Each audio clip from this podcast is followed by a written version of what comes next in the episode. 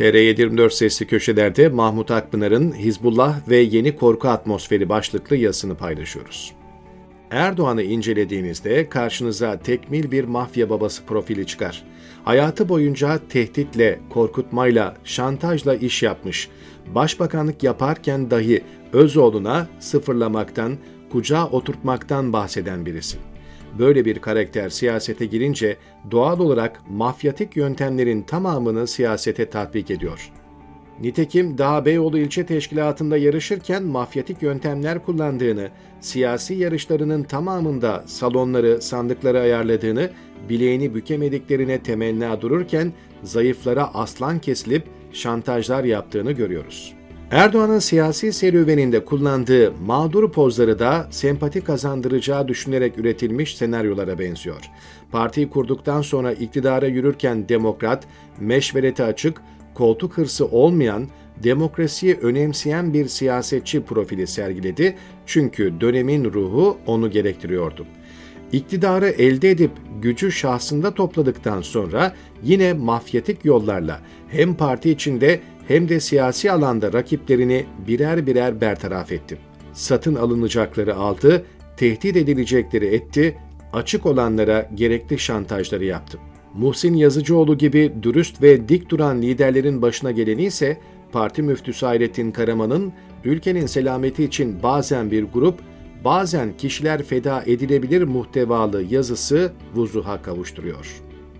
Geçen hafta biz Hizbullah'ız, onların kafalarını keseriz diyen sakallı bir eleman bütün muhalefeti Erdoğan'a biat etmeyen herkesi kamera karşısında tehdit etti. Öncelikle ben bunun tesadüfen yapılmış bir röportaj olmadığını, o şahsın ve tiplemenin özellikle tercih edildiğini düşünüyorum. Ayrıca videonun viral olup toplumda yayılması, korku atmosferi, tedirginlik oluşturması için Propaganda Bakanlığı ve troll ordusu tarafından özel çalışma yapıldığı kanaatindeyim. Peki Hizbullah kimdir, nedir? Hizbullah, JITEM tarafından devletin derin karanlık odaklarınca PKK ile mücadele etsin diye üretilmiş, din sosu katılmış, cani ve paramiliter bir terör örgütüdür. 1990'lı yıllarda işledikleri cinayetler kamuoyunda büyük korku ve tetişe neden olmuştu. İnsanları kaçırıp günlerce, aylarca ağır işkenceden geçiriyor ve bunları videoya çekip kamuoyuyla paylaşıyorlardı. Domuz bağı işkencesi, arkadan tek kurşunla öldürme, cesetleri betona gömme bunların meşhur yöntemleriydi. Kendilerine Hizbullah demeleri, cinayetlerine, insanlık dışı eylemlerine bu ismi sütre etmeleri, İslam'ı ve kutsalları kanlı, vahşi gösterme dışında bir amaca hizmet etmiyor.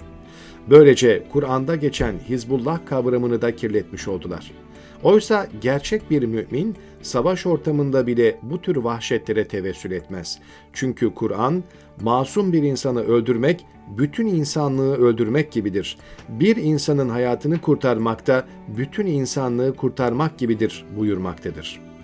Cinayet bütün din ve inançlarda büyük günahtır. İşkence ederek öldürmekse sadece alçak ruhlu kimselerin yapacağı iştir. İşte Hizbullah o dönemde aydınları, insanları ağır işkencelerden geçirerek öldüren bir örgüttü. Amacı da topluma korku salmak, zayıf iradeli insanlara bu korkuyla boyun eğdirmekti. AKP seçim öncesi ciddi bir oy potansiyeli olmayan, seçim kazanmada matematiksel katkısı olmayacak Hüdapar'la ittifak kurdu. Muhtemelen onlardan 3-5 kişiyi meclise sokacak. Böylece Erdoğan sadece Hizbullah'ı yeniden ülke gündemine getirmedi. Onlara siyaseten hayat öpücüğü verdi, alan açtı. Erdoğan'ın bu ittifakı kurmasında onlardan gelecek oyun etkili olduğu kanaatinde değilim. Hüdapar'ın ve Hizbullah'ın başka fonksiyonlarının olacağını düşünüyorum. İyi Parti binasının kurşunlanması da gösteriyor ki Erdoğan bu seçimlere yine toplumda bir korku atmosferi oluşturarak girmek istiyor. Bu yöntemi daha önce kullandı ve sonuç aldı. Verin 400'ü bu iş huzur içinde çözülsün diye bütün ülkeyi alenen tehdit etti. Millet Haziran 2015 seçimlerinde kendisine 400'ü vermeyip iktidardan düşürünce her türlü illegal yöntemi ve karanlık unsuru kullanarak Türkiye'yi korku tüneline soktu. 6 ay içinde memleketi kan gölüne çevirdi ve halkı korkuyla sindirip sandıkta çalarak ülkeyi yeniden kendisine mecbur etti.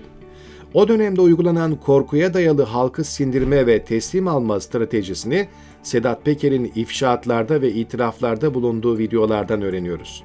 O günlerde Erdoğan namına meydanlara inen ve aydınları, muhalifleri bayrak direklerine asmakla, kanlarında duş almakla tehdit eden Peker, bunların kendisine verilen korku atmosferi oluşturma misyonunun gereği olduğunu itiraf etti. Şimdilerde Erdoğan seçime yine korku salarak girme eğiliminde. Bir korku ortamı oluşturmak için cani bir örgüt olan Hizbullah ve onun siyasi uzantısı Hüdapar çok işe yarayacaktır. Zira insanlar hayatını ve güvenliğini tehdit eden problemlerle karşılaşınca teslim olma, asayişi tercih etme, yeni maceraya girmeme, istikrarı bozmama eğiliminde olur.